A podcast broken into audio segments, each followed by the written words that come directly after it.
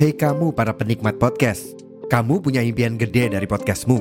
Tools di First Story bisa banget bantu kamu. Mulai dari F-Link, Dynamic Audio Insertion, sampai statistik yang komprehensif, semua ada di First Story. Gak ketinggalan, kamu bisa monetisasi podcastmu lewat iklan dari First Story Ads yang bisa kasih kamu penghasilan dari setiap place podcastmu. Yuk gabung sekarang dengan klik di firststory.me. Sekali lagi, di firststory.me. Mari kita bawa mimpi podcastingmu menjadi kenyataan. Selamat pagi, siang, sore, atau malam.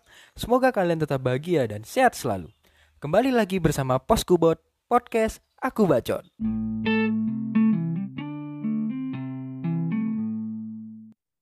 Oke teman-teman semua, kembali lagi bersama Poskubot. So, akhirnya gue punya kesempatan buat nge-record lagi dan semoga di episode kali ini kalian bisa dapat insight dan value juga dan itu bisa membuat kalian jadi pribadi yang lebih baik tentunya. Oke, gak perlu berlama-lama, mungkin kita langsung ke perkenalan aja kali ya. Sok Neng, atuh. Halo, jadi aku, nama aku nih Bella. Aku salah satu mahasiswi di Universitas di Bogor, Jawa Barat. Udah nih, apalagi. Oke, udah gitu aja sih, biar misterius kali ya. Oke, oke. Oke, Bel. Wah, kita udah lama nih nggak ketemu nih. Kita udah lama nggak nongkrong bareng juga nih. Gimana nih kabar-kabar? Masih gitu aja sih, kayak ya masih nunggu nih kapan corona kelar biar bisa balik kuliah offline lagi gitu. Kalau kamu gimana nih? Dengar-dengar lagi di Bandung ya sekarang ya? Ya, gue kembali ke tempat paling nyaman sih. Ya, gue lagi di Bandung karena emang lagi ada ini juga sih ada kegiatan kampus juga. Uh, gue juga habis UTS kan. Jadi kalau UTS di Bandung lebih nyaman aja, rasanya lebih tenang. ya, sekalian ketemu teman-teman lah. Gue kangen juga lah pasti karena corona kan, pasti kangen sama teman-teman gitu kan. Nah, Iya benar uh, sih. lu sekarang lagi di rumah atau di ini di Bogor? Lagi di rumah nih. Kebetulan bulan lalu udah dari Bogor. Tapi cuma sebulanan aja sih.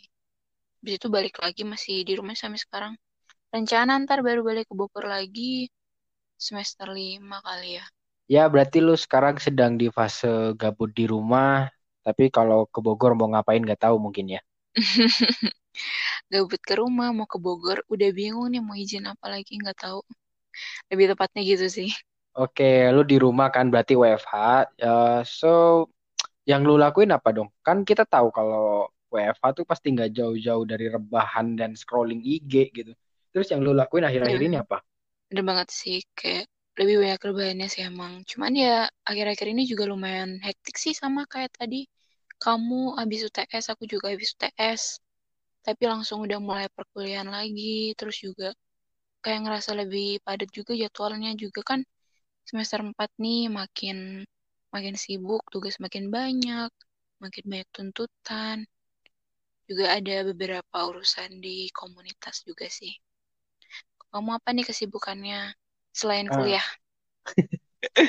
ke kesibukan gue tuh gue nggak tahu bakal sibuk atau enggak sih karena emang uh, gue ikut sebuah organisasi mahasiswa lah, baru keterima. Bukan baru keterima sih gue tahun lalu udah ikut. Dan sekarang dikasih kesempatan lagi Hmm. kan buat ngisi kursi itulah kursi jabatan itulah. Dan mungkin ke depannya bakal ada beberapa hal yang sibuk dengan hal itu. Terus juga main sih of course karena gue ke Bandung juga pengen main juga lah. Terus sama ini sih project-project mungkin kayak project kampus atau mungkin podcast pastinya. Ya, jadi gitu-gitu aja sih. Kayak eh, mencoba lah, mencoba untuk menjadi produktif lah sebisa mungkin gitu kan. Meskipun ya, ya you know, corona, eh, corona sama rebahan tuh udah kayak sahabat banget gitu loh. Di saat corona pasti lu bakal sering rebahan gitu. Itu sih, gitu-gitu aja lah hidup gua tuh. Iya pasti sih. Rebahan tuh udah kayak tiap hari bakal bakal dilakuin banget. Bener, setuju.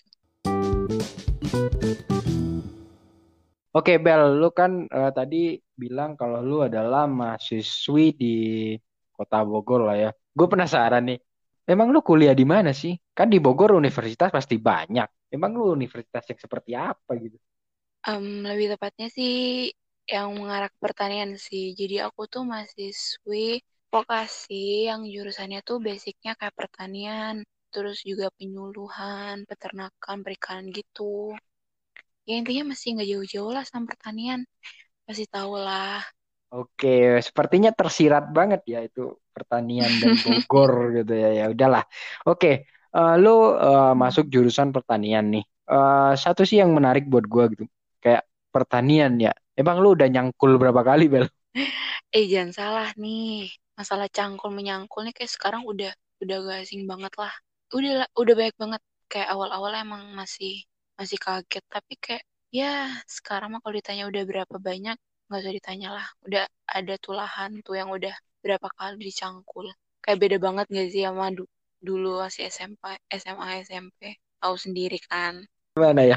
Gue ngelihat lu nyangkul ngelihat lu ya pokoknya bertanding lah. Itu kayak ngelihat dua sisi yang berbeda. Jadi gue kayak pengen nanyain gitu lu fan fan aja gak sih ngelakuin hal itu? gitu. Kalau dibilang fan fan aja sih iya kayak semacam tuntutan gitu loh. Bukan tuntutan sih sebenarnya lebih tepatnya kayak gue harus tanggung jawab nih sama pilihan gue di awal gitu.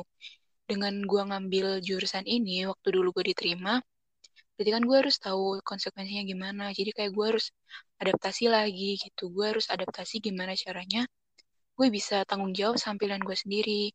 Apalagi ini kan juga dulu waktu offline tuh kan mau ribet juga kayak orang tua jauh gitu ntar malah nambah beban orang tua nambah beban keluarga gitu. Gue malah stres sendiri gitu. kayak ya udah awal-awal ya udah jalanin aja. Lama-lama kayak ya kebiasaan aja sendiri gitu. Udah lama-lama udah kayak biasa aja. Kayak udah kayak udah seolah-olah udah lama banget gitu ngerasain gini. Padahal emang enggak. Ini setahun gak sih? Gue setahun belum nyampe malah nyangkul-nyangkul kayak gitu. Udah keburu corona. Oke, kan ini Bel, gue malu kita berasal dari gue bisa bilang daerah yang sama lah. Pasti jarak dari kampus ke rumah kita udah beneran jauh banget kan. Iya, uh, kita tuh dari dari sebuah daerah di ujung Jawa Timur lah ya gue bisa bilang kayak gitu. Betul betul banget. Jadi pas lu ini pasti waktu SMA kan lu masih meraba-raba gitu loh. Emang kota Bogor tuh apa sih? Nah waktu lu pertama kali nyampe di sana apa sih yang lu rasain gitu? Justru tuh kayak ekspektasi aku sih yang terlalu tinggi kayak di ekspektasi aku kayak beneran ah Bogor ih gila kayak bakalan bebas banget gitu kayak ah bakalan nyeremin banget lah gitu. Ternyata pas sudah sampai tuh kayak ya udah emang ya gitu aja gitu. Masih keluar malam masih masih biasa aja gitu mas malah aku justru lebih ngerasa kayak safe gitu kalau keluar malam di Bogor dibandingkan di daerah asal aku sendiri gitu kalau aku sih ngerasanya kayak gitu. Oh, kalau lu gimana itu di Bandung tuh? Ya awalnya sih kaget jujur aja masih kayak uh, karena kita udah tumbuh dan besar di daerah itu ya, pasti ada hal-hal yang masih membekas lah. Tapi kalau gue ya pribadi, gue ngerasa gue harus keluar. Jadi gitu kayak biar uh, lingkungan gue apa ya kayak pikiran gue, mindset gue tuh nggak di situ-situ aja karena gue ngerasa dunia tuh luas gue harus keluar dari zona zona itu. Meskipun zona itu zona nyaman karena ada keluarga ya. Mm-hmm. tapi gue ngerasa kayak kurang lah untuk kita cuman berada di situ-situ aja. Kita harus kayak apa ya kalau kata puitisme ini kayak membuka cakrawala baru gitu. Hey, jadi gue gue ngerasa untuk merantau itu adalah sebuah kewajiban sih buat gue gitu. Biar gue kenal kayak dunia tuh kayak gimana sih gitu. Meskipun ya nggak dunia-dunia banget yang gue jelajahin baru satu kota aja di Indonesia gitu yang cukup terkenal lah. Nah kalau menurut lu gimana Bel?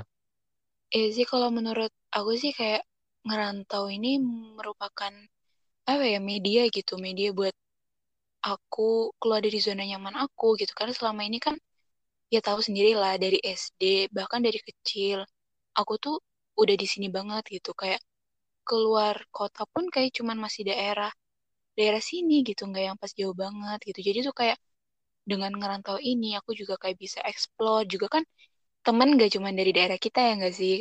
Dari pulau-pulau lain juga ada kan? Kamu juga pasti kan? Mm-hmm.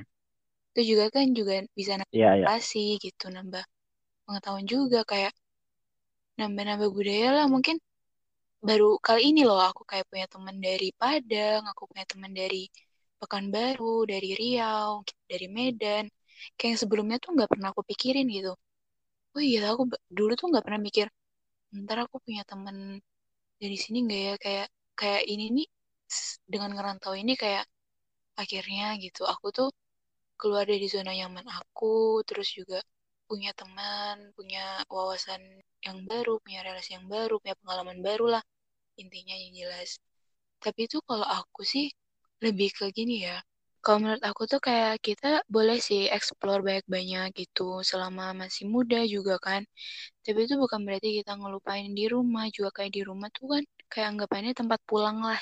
Mungkin takdirnya ntar kerjanya bisa di luar gitu atau berkeluarga di luar gitu. Tapi tuh selalu ada yang daya tarik buat pulang gitu ke daerah yang kita sekarang ini. Kalau kamu gimana? Um, kalau gue mikir bakal balik enggak ya? Gimana ya? Di satu sisi di satu sisi gue pengen balik karena emang ya namanya keluarga mau sejauh apa pun bener. Mau sejauh apa pun kita bakal balik. Cuman itu di untuk sisi yang lainnya gue tuh sebenarnya jujur gue nggak mau di situ-situ doang gitu. Kayak gue pengen explore tempat baru gue pengen punya apa ya kayak punya sebuah rumah kedua lah di tempat gue bekerja nanti gitu loh. Jadi untuk apa ya gue nggak muluk-muluk sih. Kalau emang kesempatan kerja ya kita ngomongin kerja atau hmm. nanti kita emang jauh dari rumah gue sih fine fine aja sih. Karena emang mungkin pasti bisa lah mungkin cuti lebaran atau apa kita bisa balik ke rumah untuk sekedar apa istilahnya melepas rindu gitu. Tapi untuk yang apa ya prodi gue gue tuh semacam ada dosen gue ngomong sama gue uh, gue dididik di sini buat kemudian buat ngembangin daerah gue cuman gue melihat peluangnya untuk sekarang ya emang jujur aja lebih gede di sini di kota gitu. Jadi gue nggak memaksakan diri buat belajar benar-benar di sini terus kemudian gue cari job di daerah gue agar apa ya dekat sama keluarga atau sekedar apa klise sih kayak membangun daerah asal itu. Jadi ya jujur aja gue 60% lebih prefer di sinilah di kota gitu daripada uh, gue balik lagi. Tapi bukan berarti gue nggak sayang keluarga ya. Sayang gue mah sayang. Cuman uh, karena gue anak pertama dan cowok ya. Jadi beban apa sih memang beban anak pertama dan cowok mungkin uh, ekspektasi orang tua iya, pasti, pasti. gede banget lah. Jadi ya gue memposisikan diri gimana caranya ya biar bisa istilahnya sukses lah gitu jadi untuk misalkan jauh dari keluarga itu belum terlalu gue pikirin sih untuk sekarang karena gue juga belum berkeluarga kan. Jadi yang gue pikirin cuman masih diri sendiri gitu loh. Nah um, balik lagi ke SMA Bel. Menurut lu apa ya? Kayak gue ngomongnya kultur kayak ketakut ketinggian. Kayak vibes temen SMA sama teman kuliah pasti beda hal apa sih yang bikin lu rada ilfil gitu sama pas lu pulang dari Bogor itu main sama teman-teman rumah lu lah, teman-teman SMA gitu apa sih? Karena kan emang kita udah terbiasa dengan kultur yang ini. Biasanya untuk berubah lagi, untuk balik lagi ke uh, kultur daerah kita ya, itu butuh sedikit penyesuaian gitu. Jadi menurut lu gimana? Hmm, kalau menurut aku sih kayak kalau misalkan udah dari Bogor gitu, terus kita tiba-tiba eh bukan tiba-tiba sih kayak udah libur kali ya terus balik kan. Otomatis kan ketemu sama temen nih temen SMA temen SMP temen masa kecil gitu yang di sini. Menurut aku sih bedanya kayak cuman apa ya kayak mungkin nggak ada bedanya sih kayak bedanya nggak nggak ketara banget. Kayak cuman bahasannya sih kayak kayak kalau dulu yang eh biasanya tuh kalau temen kuliah gue tuh kayak biasanya bahasnya tuh kayak udah random banget gitu kayak jarang banget bahas-bahas yang lama kayak atau yang menjorok banget kayak misal lagi bahas ini nih eh ini ini lagi gini-gini nih gitu. Orang ini lagi ini nih eh sini lagi ini nih gitu. Tuh kalau di temen SMA aku kayak udah jarang banget gitu kayak pada nggak ini nggak apa jarang banget jadi topik gitu loh.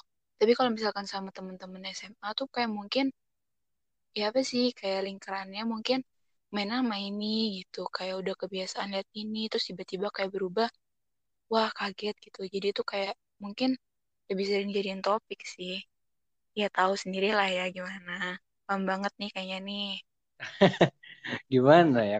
Um, kayak mereka juga kaget nggak sih? Kayak pasti ada satu dua hal yang kita bawa dari tempat kita kuliah nggak sih? Dan mereka dengan kita yang kayak gitu pasti kayak kaget juga lah. Dan reaksi mereka juga bermacam-macam kan. Kayak kalau gue sih sama teman-temannya sama gue um, mungkin awal-awal di Bandung ya. Karena untuk di Mm-mm. daerah kita ya Bel. Untuk kuliah di Bandung di Bogor pokoknya Jabodetabek itu mungkin emang Iya. sedikit wah gitu ya. Dan gue sempat dapat omongan dari teman SMA gue. Gue nggak perlu sebutin namanya lah. Eh, gue juga tahu dari teman gue gitu kayak wah Adriel udah di Bandung nih sekarang udah nggak pernah kumpul sama kita gitu kan. Udah kayak kacang kayak kacang lupa kulit gitu kan. Dan sayangnya orang yang ngomong kayak gitu tuh orang yang dulu waktu SMA tuh bisa gue bilang ngam- nggak nganggap gue lah. Maksudnya kayak nggak mau berteman yang beneran gitu ya. Kayak pengen sekedar kenal doang nggak pengen kayak pengen tengah nggak pengen jadi teman deket atau emang pengen jadi teman Hmm. beneran gitu. Jadi buat mendengar kata-kata itu gue sedikit ilfil ya karena kayak apa ya makin gede kita kan teman lingkup makin kecil. Dan kita tuh udah apa ya kalau SMA kita kan sometimes bukan sometimes sih seringnya kita berusaha kayak disukai Mm-mm. banyak orang gitu kan. Jadi kita ngelakuin hal-hal ya ya gimana caranya gue biar disenengin satu SMA lah kalau bisa. Cuman kalau sekarang kan kita bisa milih kita mau berteman sama siapa gitu kan mau bergaul sama siapa. Jadi eh, mungkin ada teman-teman SMA gue nih yang dengerin gitu kan.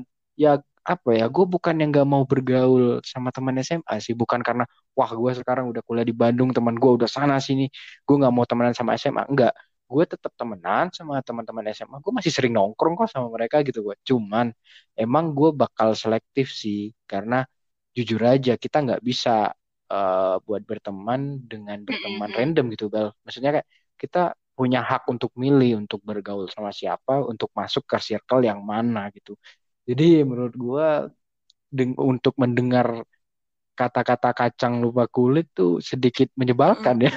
Karena lu nggak tahu gua lu nggak nemenin gua selama masih nol lah gitu. Ya. Pasti nggak sih itu peribahasa itu pasti lah. keluar nggak sih? ya gitulah terus kalau lu gimana Eh ada iya nih pengalaman gitu nih. juga nggak Nih aku mau cerita nih. Aduh, masih kesel sih kalau ingat ini kayak eh iya serius nggak sih nih orang ngomong kayak gini gitu. Jadi tuh aku cerita nih ya. Jadi tuh aku pernah tuh suatu hari kayak bikin Insta story lah. Terus kayak aku lagi ngomong gitu. Menurut aku ngomong aku tuh biasa aja gitu, nggak yang nggak yang aku buat-buat banget gitu, nggak yang nggak yang logat-logat Jakarta banget, nggak yang logat-logat Bogor banget gitu, atau logat-logat daerah banget gitu, nggak. Menurut aku kayak biasa aja gitu. Tiba-tiba ada nih orang nih nyeletuk komen, bilang, ih apa sih kok ini logatnya dipaksa banget gitu, dipaksa Jakarta banget. Aku kan bingung ya, loh dipaksa gimana gitu kayak emang beneran gitu apa sih kok hal-hal kecil kayak gitu tuh perlu banget gitu dibahas? Buat apa gitu? Ya mungkin itu sih yang bikin aku ilfeel gitu. Mungkin dari saat itu aku bisa selektif loh. Jadi tuh kayak orang yang menurut aku udah nggak nggak bisa aku terima lagi udah gitu stop. Aku stop berhubungan sama dia gitu. Aku stop hubungan gitu. Kalau bisa blok ya aku blok gitu. Kayak buat apa gitu ngomen hal-hal yang nggak penting. Jatuhnya kayak bikin motivasi enggak bantu enggak bikin gedek iya gitu. Pernah nggak sih ngerasa kayak gitu? Tiba-tiba di komen aja gitu. Padahal tuh kita nggak ngelakuin apa yang orang itu komen gitu. Pernah nggak sih ngerasa kayak gitu?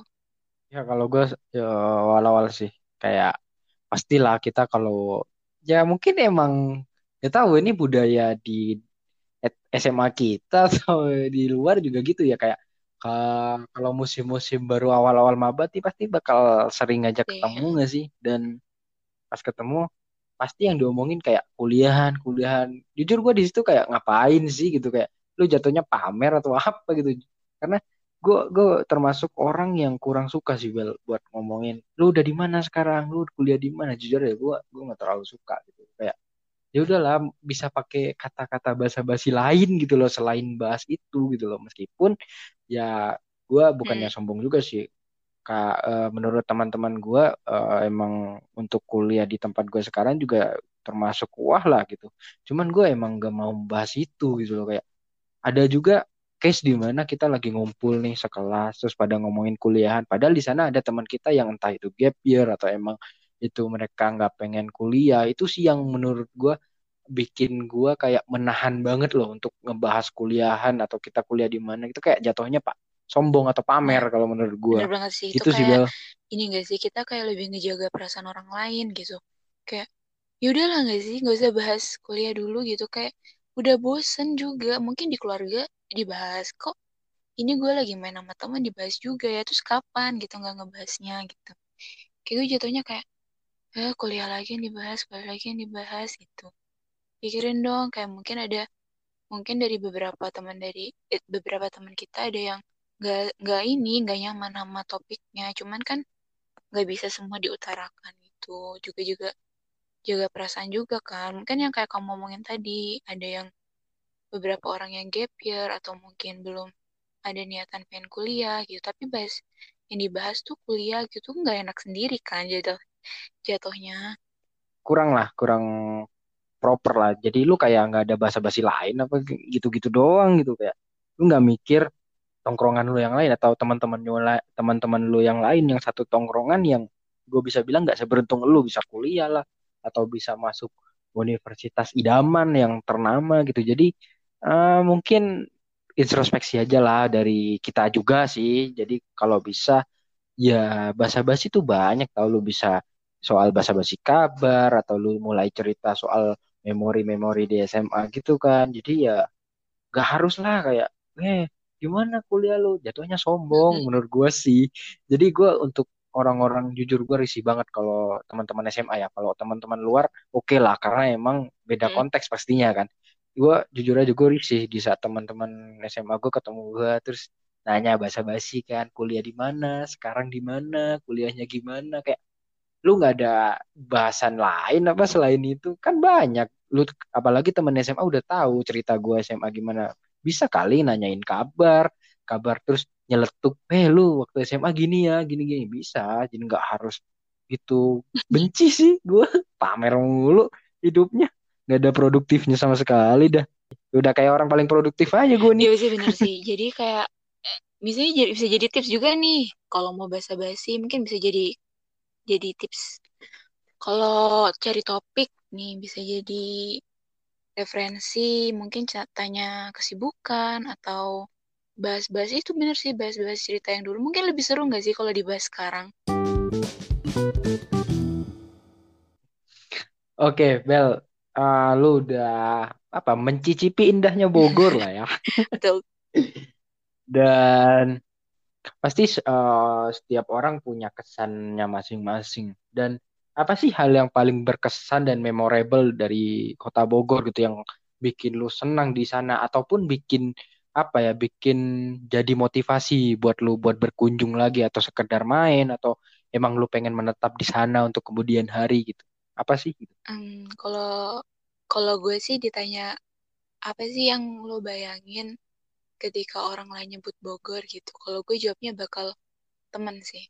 Teman kuliah gue tuh yang gak pernah gue temuin di di yang lain lah gitu. Kayak teman kuliah gue cuman gue temuin di Bogor gitu. Itu yang bikin gue pengen balik lagi ke Bogor pengen gue gue pengen ketemu lagi ke Bogor tiap ke Bogor. Teman-teman gue sih. Bener-bener teman-teman gue yang ngebikin dunia perkuliahan gue nggak garing banget. Thank you buat teman-teman gue. Kalau kamu apa nih yang kalau misalkan orang tanya kenapa sih kok demen banget sih di Bogor? Eh di Bandung. Ada apa sih di Bandung? Apa sih yang bikin pengen balik? Kalau versi Adril nih apa nih?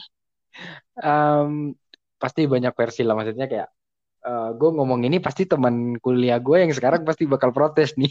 Gue ceritain semua aja lah ya. Jadi uh, versi pertama uh, untuk di apa di lingkungan gue di teman-teman gue gue kan emang terkenal bucin ya orangnya. Jadi pastilah mereka tuh kalau gue udah ke Bandung di saat corona gini terutama pasti mereka alasan mereka tuh pasti mikirnya gini ah lu mah pasti bucin gitu kan. Pasti cuman ketemu cewek lu doang gitu. Mungkin uh, candaan mereka sih dan gue fan fan aja dengan itu. Cuman uh, yang sebenarnya bikin gue apa istilahnya jatuh cinta lah sama tempat ini tuh kayak di sini nih gue bisa kayak lebih bebas ngekspresiin diri gue gitu loh. Kayak jujur aja di rumah kita ngelakuin apa pun pasti kayak langsung berhadapan dengan orang tua nggak sih? Kayak sometimes kita tuh pengen berkembang tapi cuman emang caranya mungkin nggak sesuai sama orang tua gitu loh. Jadi pasti kayak ada gue nggak meng itu sebagai cacian sih tapi lebih kayak bimbingan gitu loh. Tapi bimbingannya emang old school gitu di dunia sekarang ya emang udah serba maju gitu. Jadi gue ngerasa lebih bisa ngejadi jadi diri gue di Bandung itu sih. Dan tempat ini tuh gimana ya? Gue nyaman sih di tempat ini kayak orang-orangnya terus suasananya juga menurut gue uh, gue senang sih gue itu uh, suitable lah uh, cocok buat gue di sini. Itu sih. Jadi teman-teman juga sih kayak uh, teman-teman gue di sini kayak punya pemikiran yang luas gitu loh. Nggak nggak close minded lah istilahnya uh, gue bisa ketemu orang-orang dengan pemikiran-pemikiran baru yang bisa jadi insight dan value buat gue gitu. Jadi ya gimana ya semua itu punya ini sih kompleks sih. Jadi di dari aspek-aspek lagi udah kayak akademisi banget dah. Maksudnya dari tempatnya gue udah cocok lah dengan vibes Bandung gitu. Apalagi dengan orang-orangnya gue bisa ketemu teman-teman yang emang mereka punya pikiran yang open minded lah bisa gue bilang seperti itu. Gue bisa belajar juga dari mereka. Gue juga bebas di sini gitu loh. Bebas dalam artian gue bebas uh, mengekspresiin diri gue gitu loh. Gue bebas mau ngapain aja gitu loh. Kalau di rumah kan pasti banyak pertimbangan. Jadi misal takut dimarahin lah takut diomelin lah. Jadi gue rasa itu sih yang bikin gue kayak pengen di Bandung gitu. Karena lu tahu nggak sih lu gue kalau di rumah kerjaan gue cuman main motor iya, iya doang iya, gitu banget kan sih. uh, gue nggak mau di zona itu itu aja gue pengen keluar dari zona nyaman cuman ini Bel satu sih dari cerita lu yang soal Mhm. Bogor tadi. Uh, lu bilang uh, yang berkesan dari Bogor tuh teman-teman lu. Nah, gimana kalau kondisinya lu di Bogor sendirian tanpa teman-teman lu? Entah lu ada karena uh, urusan kerjaan atau something, lu bakal seneng nggak di Bogor gitu? Hmm, kayaknya sebelum lanjut enaknya kita dengerin ini dulu kali ya.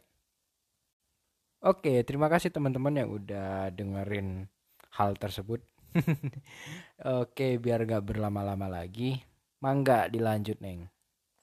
Seneng sih, kayak menurut gue tuh selama apa pun gitu, kayak misal suatu hari gue balik gitu, pasti kenangan-kenangan yang dulu pernah gue alamin di sini tuh bakal bakal terus narik gitu, kayak wah iya Bogor ternyata emang ngangenin ya gitu. Kayak bakal seneng juga sih, soalnya tuh dulu gue pernah punya memori seneng nih di sini gitu.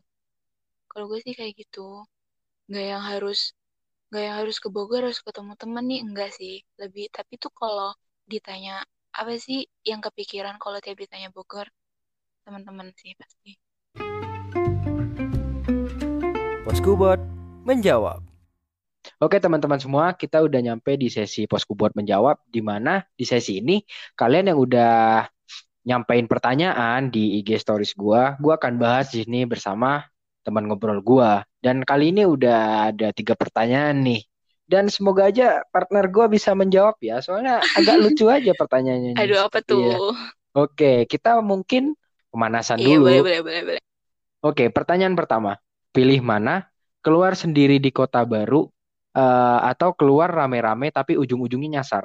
Keluar rame-rame ujungnya nyasar sih. Kenapa Kayak tuh?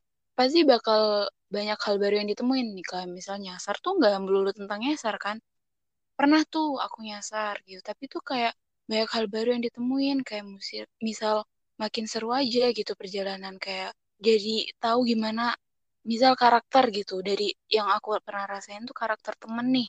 Bisa kelihatan banget kayak eh gara-gara nyasar kok dia jadi gini ya gitu jadi kita tuh tahu karakter temen yang sebenarnya pasti di bayangan kita kan kalau nyasar pasti kesel kan bawaannya. Soalnya kayak udah keluar banget dari tujuan, mana nggak tahu lagi di mana gitu. Menurut aku tuh bisa jadi salah satu cara sih untuk lama-lama tahu nih sifat temen gimana yang waktu bareng-bareng sama kita. Kalau aku gitu. Oke, um, tapi nggak menutup kemungkinan kan Bel, lu pasti bete di saat hal itu terjadi. Gitu. Iya sih, kayak ya namanya nyasar juga gitu. Kayak ya ilah gitu. Bakal bakal terus bertanya kapan sih ini bakal balik ke jalan yang benar? Gitu. Mungkin betanya kalau udah berusaha banget nyari gitu tapi nggak ketemu gitu. Capek sih. Lebih bete karena capek. Kalau kamu gimana nih? Pilih mana nih? Keluar sendiri di kota baru atau nyasar tapi bareng-bareng. Eh gue bingung sih. Soalnya gue udah pernah ngalamin dua-duanya kan. Dan gue bingung juga nih buat nentuin mana yang lebih baik gitu. Karena sama-sama punya positif sama punya punya sama-sama punya negatif. Tapi kayaknya deh gue pilih deh sekarang deh. Kayaknya lebih mending rame-rame gak sih? Kayak eh, dengan nyasar itu lu ntar eh, bakal punya suatu cerita gitu. Jadi misal lu lagi nongkrong gitu kan sama temen lu lu ada bahasan gitu. Jadi bahasan lu nggak ujung-ujungnya gibah gibahin orang Iya. doang gitu. Jadi ada bahasan yang yang gak numpuk dosa kayak gibah gitu. Iya banget sih. Kayak jatuhnya bisa jadi nostalgia juga kan. Kayak eh dulu kita pernah nasa, nyasar di sini loh gitu. Kayak bisa jadi cerita juga. Benar sih benar sih. Gak, gak melulu tentang Iya. gibah. Ya gitulah. Jadi kita em, jadi punya bahasan lain gitu selain gi- ngomongin orang gitu. Dan ya it's fun. Tapi kalau nyasarnya terus-terusan ya bete juga sih sama kayak lu. Capek aja kita muter-muter nggak ada tujuan gitu. Bikin bete juga. Oke kita lanjut ke pertanyaan kedua Bel. Aduh aduh udah mulai menggelitik nih tuh? pertanyaannya nih jadi pertanyaannya nih eh, kak aku mau nanya eh, kalau menurut kakak mending pacar dekat rumah atau dekat kampus aduh Em, apa ya deket kampus sih eh tunggu deket kampus kenapa tuh maksudnya gimana ya takut salah paham nih aku Eh, misal lu di Mm-mm. Bogor nih Nah, pacar lu tuh orang Jabodetabek gitu. Masih daerah situ, daerah kampus tuh. Bukan yang beda deket pulau gitu. kampus sih ya mungkin kalau untuk sekarang ini kayak seru aja kali Emang serunya kenapa? Kalau deket kampus liberal gitu, bebas. eh nggak juga sih. Kayak mungkin ya lebih ke deket kampus juga. Kayak kalau balik kan mungkin bisa LDR juga ya. Ih kayak lu nih LDR nih kalau udah balik seru nggak? Kalau aku sih rasanya ini ya seru aja ya. Kayak kalau udah di kampus ketemu tapi tuh ntar ada waktu di mana kita tuh saling butuh eh kayak menghargai banget yang namanya pertemuan itu. Kayak nggak melulu tentang bakal ketemu terus terus malah jatuhnya nyanyain waktu. Takutnya sih malah gitu. Kalau aku sih alasannya kayak gitu sih. Kalau kamu pasti pilih yang deket apa nih? Deket mana nih? Terus sekarang kan deket kampus. Tapi sebenarnya pilih yang mana sih? Gue pengen deket kampus dan deket rumah bisa oh nggak sih maruk dua-duanya? ya. Gitu. maruk ya bun. Ya, jadi gue kenapa pilih deket kampus sih? Karena eh, apa ya di luar gue karena sekarang lagi menjalani gitu kan. Eh, karena gue punya pertimbangan sendiri gitu kayak, oke kalau deket rumah em, kita tuh nggak culture shock gitu loh kayak lu tau lah gue dari daerah seperti apa gitu ke Bandung dengan orang yang seperti itu pasti ada iya ada benar kagetnya gitu kan. Dan pasti itu nggak enaknya itu sih cuman eh karena gue pendidikan gitu loh Bel kayak gue kan ambil empat tahun lah gue di sini jadi eh waktu yang bisa gue spend buat dia tuh lebih banyak di saat gue punya pacar satu kampus sih. Nggak harus satu kampus sih misal dari kampus lain tapi asal sama-sama di Bandung gue fine fine aja sih. Karena eh gimana ya emang bener gak semua pacaran tuh harus selalu ketemu. Tapi lu cobain deh lu LDR susah tahu kayak gue suka lucu sama orang-orang yang ngomong kayak ya udah LDR aja kenapa sih? Oh, LDR tuh hal romantis gitu. Gue suka lucu sama orang-orang kayak mereka karena gue udah apa ya gue udah eh, menelan apa asam pahit garam apa gitu soal LDR ini kan. Gue pernah dua tahun LDR nggak ketemu dan ya it's not gonna work gitu. Dan dengan lu punya pacar satu kampus apalagi ya itu enak banget. Kayak eh lu bisa ketemu dan waktu untuk kalian berdua tuh bisa terjamin gitu loh. Kayak kalau lu punya pacar dekat rumah tapi kalau lu rumah lu Jabodetabek ya nggak masalah sih. Cuman kan rumah kita tuh emang sama Jabodetabek memang musuhan gitu ujung ke ujung jadi iya pasti ketemunya bakal pas liburan doang kan. Itu pun enam bulan sekali. Dan apa ya gue kuat sih LDR cuman eh, bukan mendiskreditkan lagi ya. Bukannya gue nggak suka. Cuman gue ngerasa gue lebih match sama orang-orang sini gitu karena pemikiran sih Bel. Jadi eh, kita tuh ya Mm-mm. sepemikiran gitu loh. Gue ngelihatnya kalau punya pacar orang rumah tuh ya di situ-situ aja dunia gue ntar gue nggak bisa ngelihat istilahnya dalam tanda kutip dunia Hmm. baru lah. Jadi ya gitulah.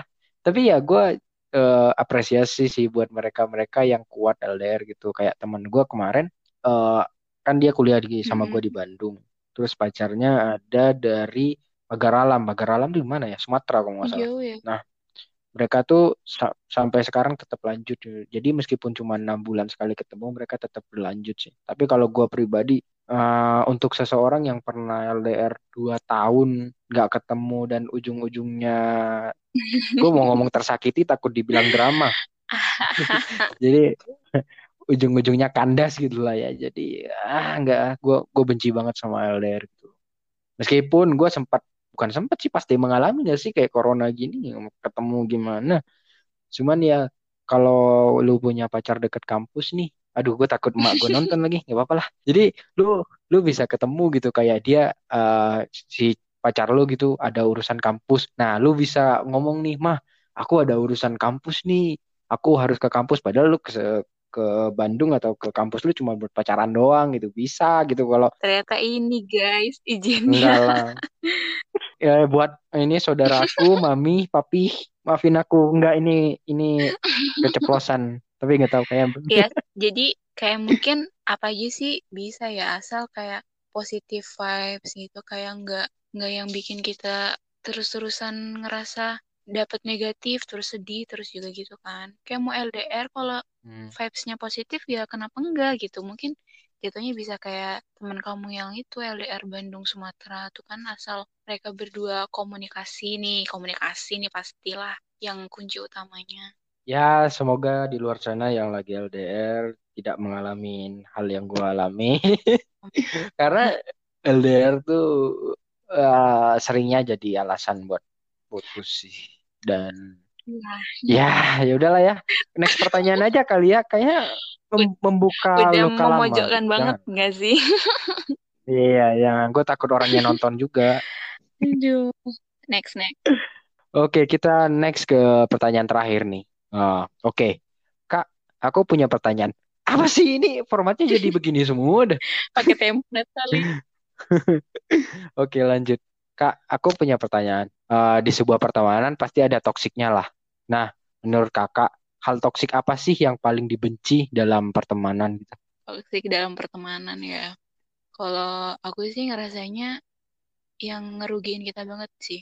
Kayak mungkin dalam kalau aku ngerasanya sih toxic tuh nggak cuman masalah di pertemanan yang di menjurus ke arah akademik gitu loh. Kayak mungkin di aku ngerasanya toxic menurut aku tuh pertemanan yang dibatasin. Kayak misal aku lagi temenan sama kamu nih. Eh tapi kamu cemburu kalau aku temenan sama si C gitu. Menurut aku tuh itu lama-lama kayak jatuhnya bakal toksik gitu karena ngurung atau maunya kita buat temenan sama dia doang. Sedangkan tuh untuk di masa kita sekarang, di umur kita yang sekarang, kita butuh cari relasi yang besar kan. Kita butuh cari temen yang banyak, tapi yang sefrekuensi mungkin, yang sevisi misi, setujuan. Cuman karena dengan dibatasin itu, jatuhnya kayak bisa toksik juga sih. Karena eh lumayan nih, Buan ada pengalaman nih sebelumnya. Jadi kalau toksik pertemanan menurut aku sih kayak gitu ya. Yang dibatas-batasin lah intinya. Kalau versi Adriel nih gimana nih? Si pakar, si tempat curhatku masalah pertemanan nih gimana nih? Toxic friendship menurut kamu? Oke, em, soal toxic friendship lah ya, pertemanan yang toxic gitu. Eh, sebenarnya ini bahasannya pasti bakal luas gitu loh, pasti bakal banyak hal yang dibahas. Cuman em, gue ceritain yang menurut gue paling parah sih, maksudnya paling gue benci gitu kan. Em, toxic yang apa ya, kayak pertemanan paling toxic yang paling gue benci adalah eh, pertemanan di mana pertemanan itu ngehambat lu buat berkembang gitu loh. Kayak eh, it's okay lu pasti punya sebuah circle di mana lu nyaman di situ. Tapi itu bakal jadi toxic menurut gua ya di saat circle itu ngehambat lu buat berkembang gitu loh. Kayak em, sekarang udah bukan zamannya nyari ini enggak sih? Eh, udah bukan zamannya nyari gengsi, nyari apa ya kayak popularitas. Jadi eh, menurut gua ya kita sebagai anak umur segini gitu pasti bakal mikirin gimana caranya ngembangin soft skill lah, ngembangin diri dan menurut gue hal yang paling gue benci di saat gue apa ya gue masuk di sebuah circle tapi circle itu malah ngehambat gue buat berkembang. Jadi di saat gue bikin gebrakan gitu lah ya mereka pasti komennya komennya nyelkit gitu. Maksudnya kayak mereka nggak support gue gitu. Itu sih yang menurut gue yang apa ya yang gue paling benci lah hal itu. Karena uh, menurut gue ya uh, pertemanan yang sehat di saat kita bisa help each other kita support satu sama lain itu sih pertemanan yang sehat menurut gue karena uh, bukan banyak sih gue pernah ngalamin. Atau mungkin gue sedang ngalamin sih sekarang. Apa tuh apa? jadi dulu tuh kayak mau bikin sebuah project gitulah. Dan gue dulu orangnya termasuk orang yang selalu nunggu orang lain buat buat gebrakan. Jadi gue bergantung sama teman gue inilah ada gitu. Dan ternyata karena kita emang kepalanya beda ya, jadi setiap orang punya visi misi yang lain lah, maksudnya punya pace masing-masing. Kalau gue kan, gue orangnya pengen cepat-cepat, gue orangnya cenderung pengen buru-buru, sedangkan mereka itu kayak yang santai tapi pasti.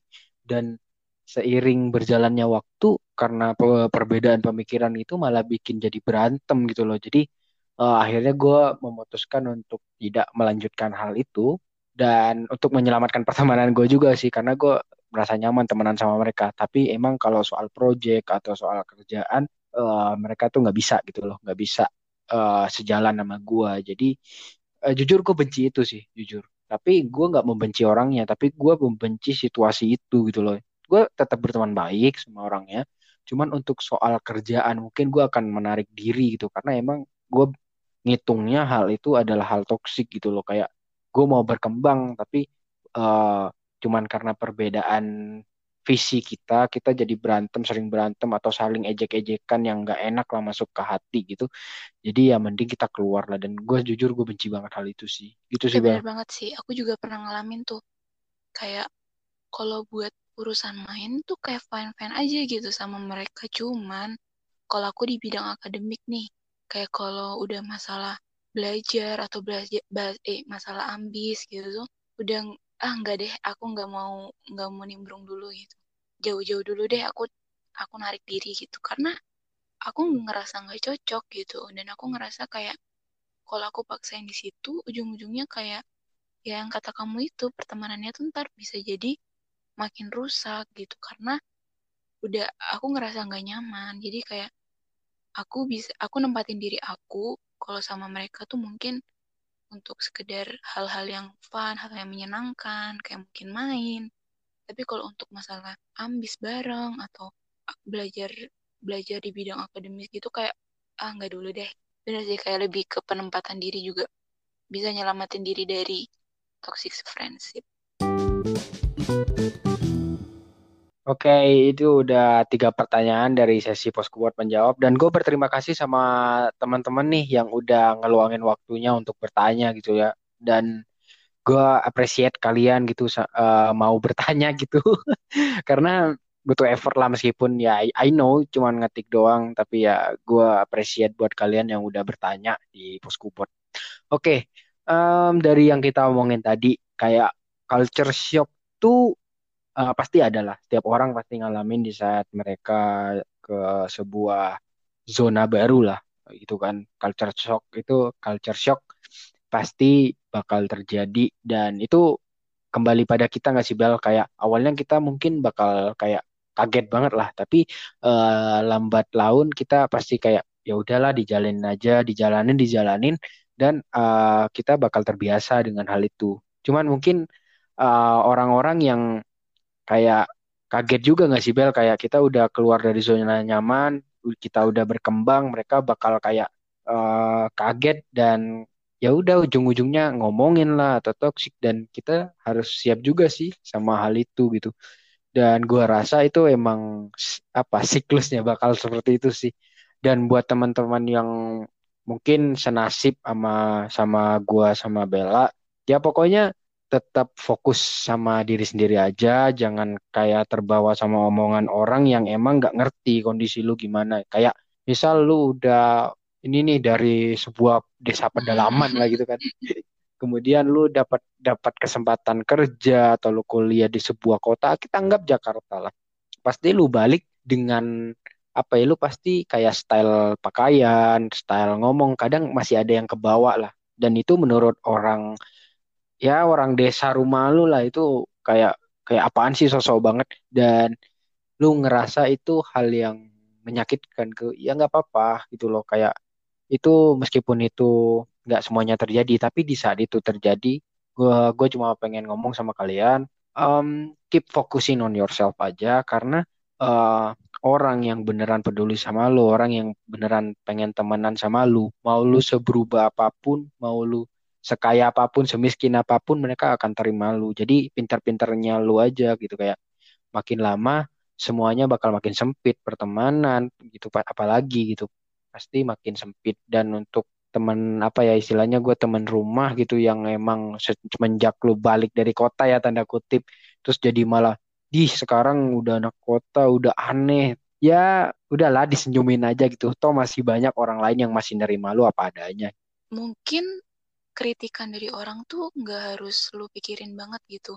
Untuk apa? Ujung-ujungnya kalau malah bikin kita tuh nggak berkembang justru malah diem mikirin omongan orang itu. Buat apa gitu dipikirin terus. Ya udahlah orang mau ngomong apa? Kalau emang kalian gak ngerasa ngelakuin apa yang orang ngomongin itu nggak usah didengerin aja. Kayak suka masuk telinga kanan keluar telinga kiri aja nggak sih? Kayak ya udahlah dengerin aja orang itu ngomong gitu. Tapi nggak usah diambil hati nggak usah yang dipikirin terus juga kan sekarang udah ada nih fitur yang namanya ngeblok, terus tutup telinga. Mending dipakai aja sih, kayak diterapin aja, diterapin banget gitu. Karena menurut aku kayak wajar aja kalau kita ngeblok orang, kita nge-mute orang, kita nggak mau denger omongan orang yang bikin diri kita sendiri sakit. Karena ujung-ujungnya kalau diri kita sakit, terus kita kepikiran, orang itu mah enak kan, habis ngomong tinggal mingkem. Nah, kita nih yang nanggung sakitnya. Jadi kayak daripada ngurusin omongan orang yang gak penting, ngapain sih gitu. Jatuhnya ntar malah kita yang diem. Udahlah, gak usah dipikirin. Ujung-ujungnya juga kalau kita sukses, siapa tahu nih banyak nih yang datang ke kita. Tapi dengan tujuan yang baik gitu. Gak usah dibalas juga kok gak penting kan. Dengerin aja udah, tapi gak usah dibawa hati. Kalau dari aku gitu sih. Oke, teman-teman, uh, mungkin untuk episode kali ini sampai sini aja. Dan ke depannya seperti biasa, nggak menutup kemungkinan kalian bisa ngobrol di sini bareng gua. Dan kalian juga bisa ngirim beberapa pertanyaan yang nantinya bakal gue bahas sama teman ngobrol gua. So, um, ke depannya pasti sih, gue yakin uh, ke depannya bakal banyak cerita-cerita yang lebih menarik dan mungkin kalian juga bisa dapat insight dan value dari setiap episode Post Board. Gue harap juga begitu dan maka dari itu tetap stay tune di podcast ini. Peace out.